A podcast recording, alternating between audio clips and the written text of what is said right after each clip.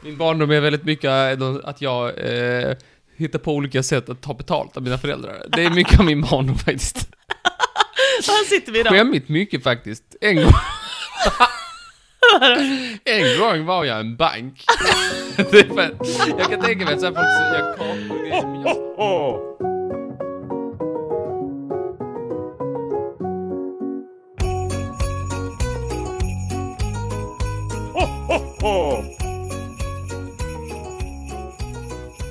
Hej och hjärtligt välkomna.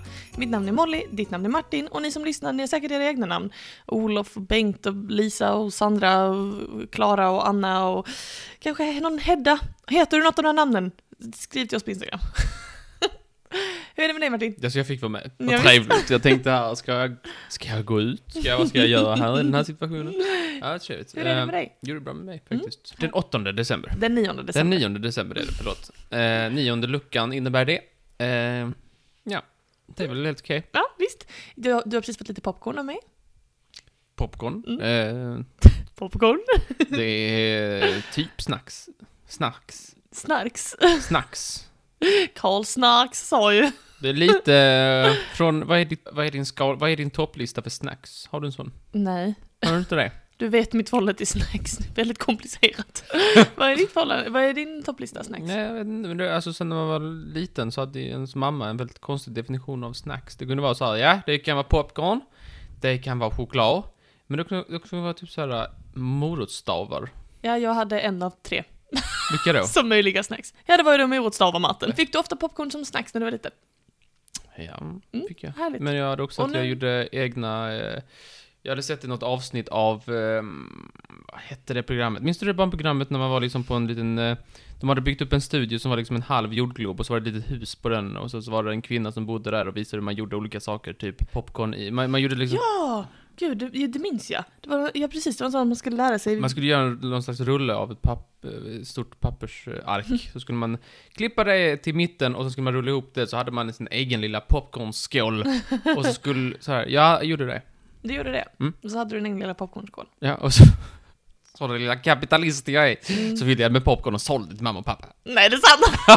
Haha, gjorde du det? Ja, min, min barndom är... Uff, min barndom är väldigt mycket ändå att jag eh, hittar på olika sätt att ta betalt av mina föräldrar. Det är mycket av min barndom faktiskt. Så här sitter vi idag. Skämmigt mycket faktiskt. En gång...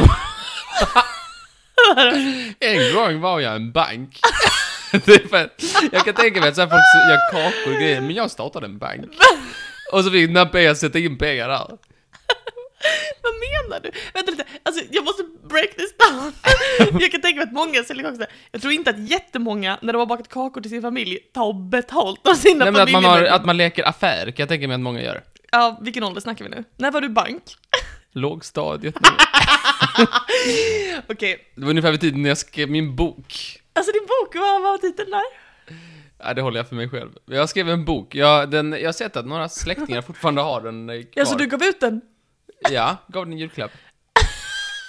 Skrev du ut den på dator? På, alltså, du Ja. skrev ut den på skrivare? Ja, ja. Och eh, gav den ett Jag har en omslag? sån här tjockdator och tjock eh, skärm och det var, eh, min pappa är ju lite teknisk eh, så vi hade dator väldigt tidigt. aha. Så Hur det är lång var den här boken? 15 A4 kanske eller någonting. Okej, okej. Tjock bok. Ja, men jag gick ju fan i tvåan. Vad var det för omslag? Det var nog titeln och eh, ja, Kan du inte Martin snälla Olsson. säga titeln? Nej, det, jag vet faktiskt inte exakt titeln. Men typ. Nej, det var, det var ett eh, före och efternamn kan jag säga. Jaha. Jag är ganska inspirerad av Harry Potter kan jag ju meddela. Hette han, eh, du sa Perry Hotter? Nej, nej, nu låter vi det vara osagt. Nej, jag, sk- eh, jag, gjorde, jag tog ingen betalt för min bok för att det var ju en julklapp. jag tar inte betalt för julklappar. Barnartig. En ma- Sån är jag. Den inställningen har jag. Men jag tar inte betalt Här har för, vi. för julklappar. Det är Carl Martin Jonsson allihopa. Men eh, det var alltså en bank. Ja, Så jag du- hade, eh, som sagt, det var också data, eh, att jag satte in siffror på dator och sådär, skulle säga så. Ja, jag har- jag har satt in 40 Mor spänn har här. tre kronor här på banken. Far han har ju Räntan fem. skyhög, kan jag säga. Var det När det? man lånar, Tog- inte när man eh, sätter in. Det är Tog du tvärtom. ränta? Ja, ja. Vad? Det gör ju banker, kan jag också göra. Fast jag hade ofta att jag tog fel. Det Sätt gör in ju pengar och jag tar lite betalt för att du sätter in pengar. Nej, jag Jag tog inte lite- betalt för insättningen. Tvärtom ränta. Nej, Men jag hade men- inte fattat. Jag visste så här, ränta är en procentsats som man tar och som banken tjänar eller ger. Men jag hade lite så här eh, tvärtom. Att om man sätter in pengar så får man betala lite av den så för att jag har den. Jag förvaltar ju då dina pengar. Och jag var väldigt säker och sätt. Det här är min lilla spargris. Nej, Jag handlar Piggy, upp dem såklart. som jag har döpt han till. ja, du, kan, du får lov att sätta in ditt kapital i Piggy. Mot en 40-procentig räntesats sådär. Som Då förvar. fick jag aldrig tillbaka pengarna. Men Martin, Nej, då förstår jag att du fick tjäna ränta på insättning för du gav ju aldrig tillbaka ut utlånet Det var då. 100% ränta. Åt fel håll så att säga för dem. Ja, men jag- Rätt för mig. Rent för dig. Okej, så de... Men gick du omkring... Gick du, alltså, förlåt, jag vet ju svar på den här frågan men jag känner inte jag måste fråga. Gick du någonsin omkring med dåligt samvete och tänkte jag borde ge tillbaka deras pengar? Det gjorde jag verkligen inte. Hallå? Hur fan är du skapad? Lite kapitalistiskt. Alltså, en gång så... Vi hade en pengaburk i köket för Ja. typ småmynt och sånt. Mm. Som mamma och pappa använde för att... Ja men när de behövde växel och sånt, när jag var väldigt liten, när typ, jag tror typ fortfarande telefonköket var en grej. Och då, så en gång så snodde jag en 20 därifrån, för det, fast det var ju mamma och pappas eh, som de hade mellan sig. Och jag fick så dåligt samvete för de 20 kronorna att jag, jag började gråta och sen fick jag berätta och så, och så, så mamma och pappa, kan- det var okej. Men du, du startade en, du startade en lånehajsbank! du liksom, Man kan säga att banken gick i konkurs och de fick inte tillbaka sina pengar. hur Så mycket det var- tjänade du? Alltså inte mycket. Nej, det, du kan ju inte... Nej, men Alltså, de var glada Mamma de satte är- in 40 spänn, Ja, kan jag... pappa satte in Det- men jag Skojar du att jag minns det? Jag var ju åtta. Säg att de satte in en hundralapp tillsammans. Ja. Och så är det 100% i ränta. Jag gjorde ju inte det. Jag sa... eh, Jag, jag sa väl en mindre. Ja. Jag sa fem kanske. Det blir 5 kronors ränta mamma. Ja, ungefär så gick Hon säger Martin du kan få 40 kronor och då sa jag, då sa du ja jag godkänner mot att du lägger till en femma. Hon frågade vad det är för ränta och så sa jag att det kostar fem spänn. Tror du barndomen påverkar hur man blir när man är vuxen? Jag vet inte. Nej. Jag var lite lillgammal, hur så? Ja, jo lite lillgammal var du ju. Ja, nej men då så, då är det väl bara en sak kvar att göra idag väl eller? Ska jag öppna luckan? Ja, det Ja. tycker jag du ska göra. Gör det. Kasta den. Du vet, eh, det finns ju en låt, som, en jullåt som du hatar. Som är, Vilken, jag hatar alla jullåtar. jo men det finns en du hatar mer än de andra, den där hiphop-låten du vet. Nu är det jul igen. Ja, precis. Kommer du ihåg att det finns en, en rad i den, en låttextrad som går så här. De säger ju att julen den är till för de små, men jag minns när jag var liten, det var en mardröm redan då. Eh, passa in på dig ganska bra kanske, det är så här Ja. du känner också. Ja.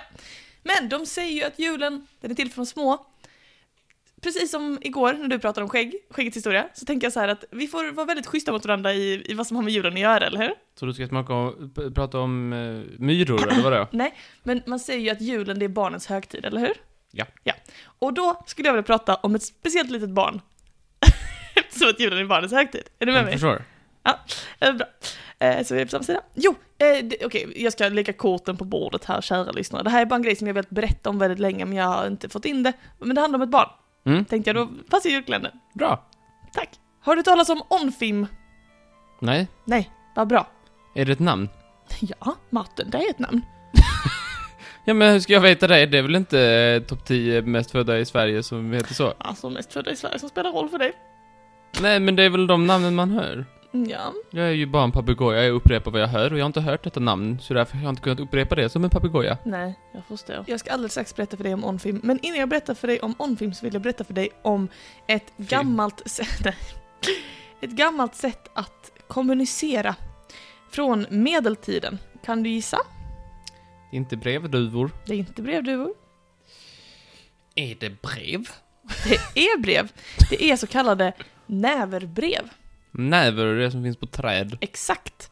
Förr i tiden, under medeltiden, så verkar det som att det vanligaste sättet att snabbkommunicera, alltså typ som, S- alltså motsvarigheten mot sms-korta meddelanden idag. Skriva på ett träd och hoppas att någon ser det.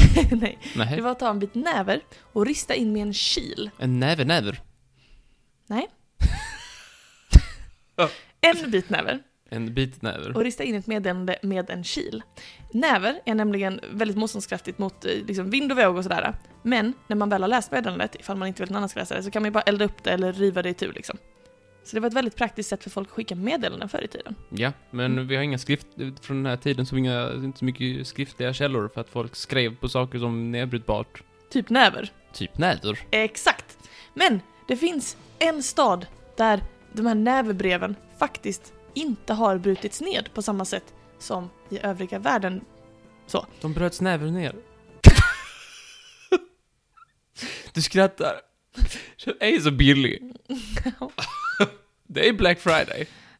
det är extra billigt, det är reapris på mig. Staden Novgorod i, i Ryssland är byggd på ett träsk. Av olika skäl som jag inte själv har förstått, så har anledningen till, alltså det här med att Novgorod är byggt på ett träsk har lett till att de här näverbreven som man känner till var en, i ett stort sett kommunicerande under medeltiden i norra Europa, eh, bevarats i den här myllan på ett annat sätt än vad de gjort i till exempel Eh, Sverige. Har det med PH att göra? Kan ha med Lena PH att göra. Är det det? Ehm, I Sverige har man hittat typ 2-3 näverbrev, i Novgorod har man hittat 973. Wow. bara i Novgorod. Och man förväntar sig att det kan finnas ungefär 20 000 till som är bevarade som man kan läsa. Eh, Det här är väldigt spännande eftersom att v- från den tiden, precis som du sa innan, så skriftliga källor är det ju ont om. Och de skriftliga källor som finns, de är ofta väldigt officiella dokument liksom. Mm. Och om man tänker sig eh, att eh, det skulle ske en massutplåning av eh, oss idag och allting skulle förfalla och vi bara skulle ha skriftliga, skriftliga källor kvar, så vad var det mest officiella dokument? Då kanske aliens eller framtidscivilisationer skulle tro att vi pratade så här eh, domsluten bekräftar att enligt paragraf 9 eh, stycke 12 bör, alltså du vet så. Mm, Ja. Men det gör vi inte. Nej. Vi har ett helt annat sätt att, när du och jag smsar varandra så är det inte alls som till exempel regeringens eh, bokslut liksom. Eller hur? Jo, i och för sig. Det är väldigt likt. Precis så eh, kan man alltså säga att det var även förr i tiden. Att folk hade ett skriftspråk i vardagen som var liksom eh, eh, helt väldigt skilt från det officiella i Ryssland. Ja, jag kan avslöja nu att det jag kommer säga idag, det kommer från språktidningen. Jag Ja. tycker alla ska läsa språktidningen, det är en väldigt intressant tidning, man lär sig mycket där. Och den här texten, eh, den handlar om Onfim, som är ett, eh, eller som var, får jag säga, som var ett barn som levde på tidigt 1200-tal i Novgorod. Han är kanske 6-7 år när han gör det som kommer att göra honom absolut mest känd, eh, alltså det som, det som kommer lämna störst prägel på livet, hans Mhm. största livsverk, gör han när han bara är 6-7 år gammal. Fira jul. Nej. Jag sa ju det här med barnen Martin! Ja, visst. Ja, det är ett barn. Onfim försöker lära sig skriva. Ja. Han skriver A, B, C. Ja, det är så tradigt detta. D, E, Å. Nej, jag har så tradigt. Tänk om jag kunde istället för att sitta här i skolan och skriva G, H, I så skulle jag kunna vara ute och vara riddare på en häst i ett krig, typ. J, K. Nej, där ger Onfim upp. JK som Just Kidding. Just just kidding! Han ger upp. Han bara, nej, jag pallar inte detta mer. Så han har skrivit fram till K. Och då bestämmer sig, nej, jag ritar mig själv på en häst. Och så skriver jag Onfim under. Och så är det ett spjut, jag spöar en annan kille. Mm, rakt genom hjärtat. Mm, så här.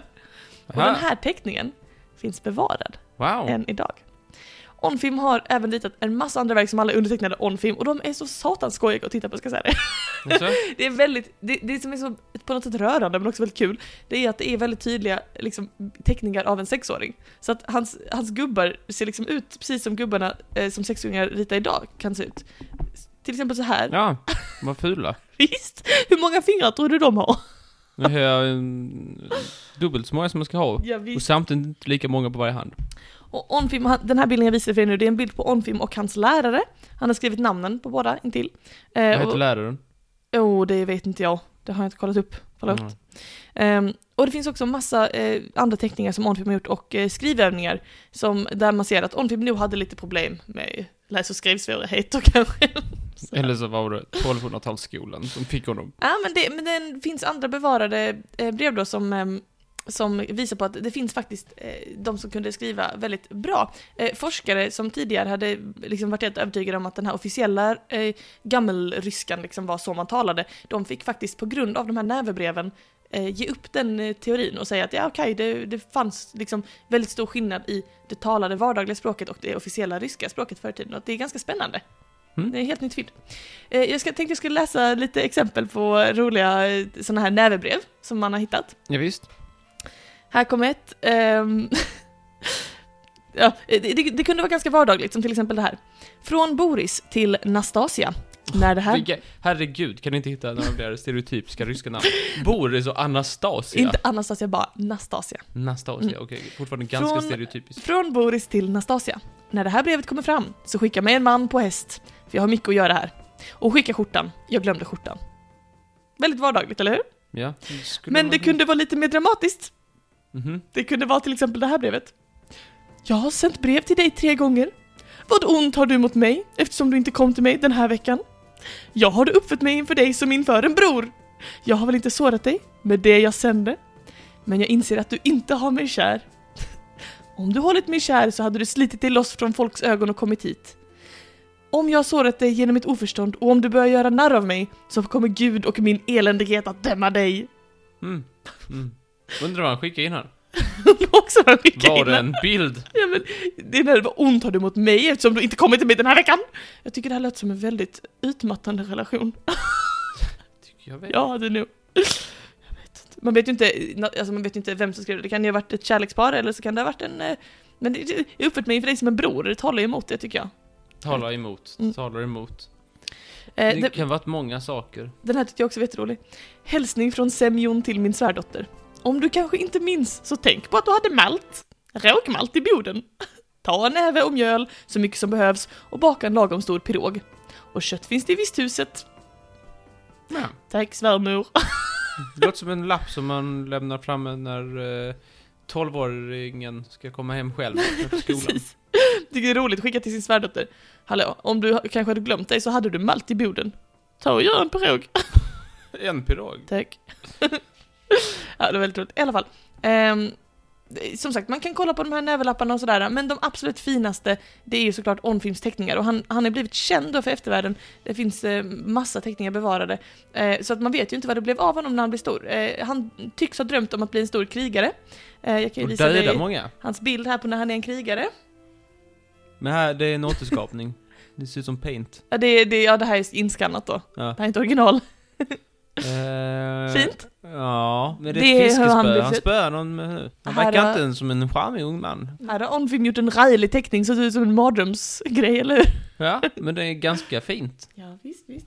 Men han är ganska duktig. Ehm, och vi vet ju inte vad som hände med honom, för han kanske blev en stor krigare. Men oavsett vad han klarade av i sitt vuxna liv så är det ju hans barndomsteckningar och eh, näverlappar som vi kommer komma ihåg honom för mest. Så att eh, det är lite coolt att tänka att eh, det kanske blir något enstaka barn som bevaras i eftervärlden även från vår civilisation. Så kan det vara. Vad trevligt. Ja, spännande va?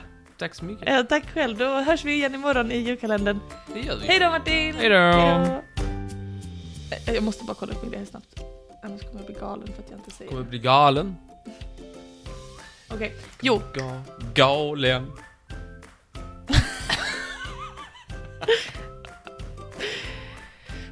Staden Novgorod i Tyskland är byggd... Novgorod. ja, staden Novgorod i, i Ryssland. Sa jag Tyskland? Du vet.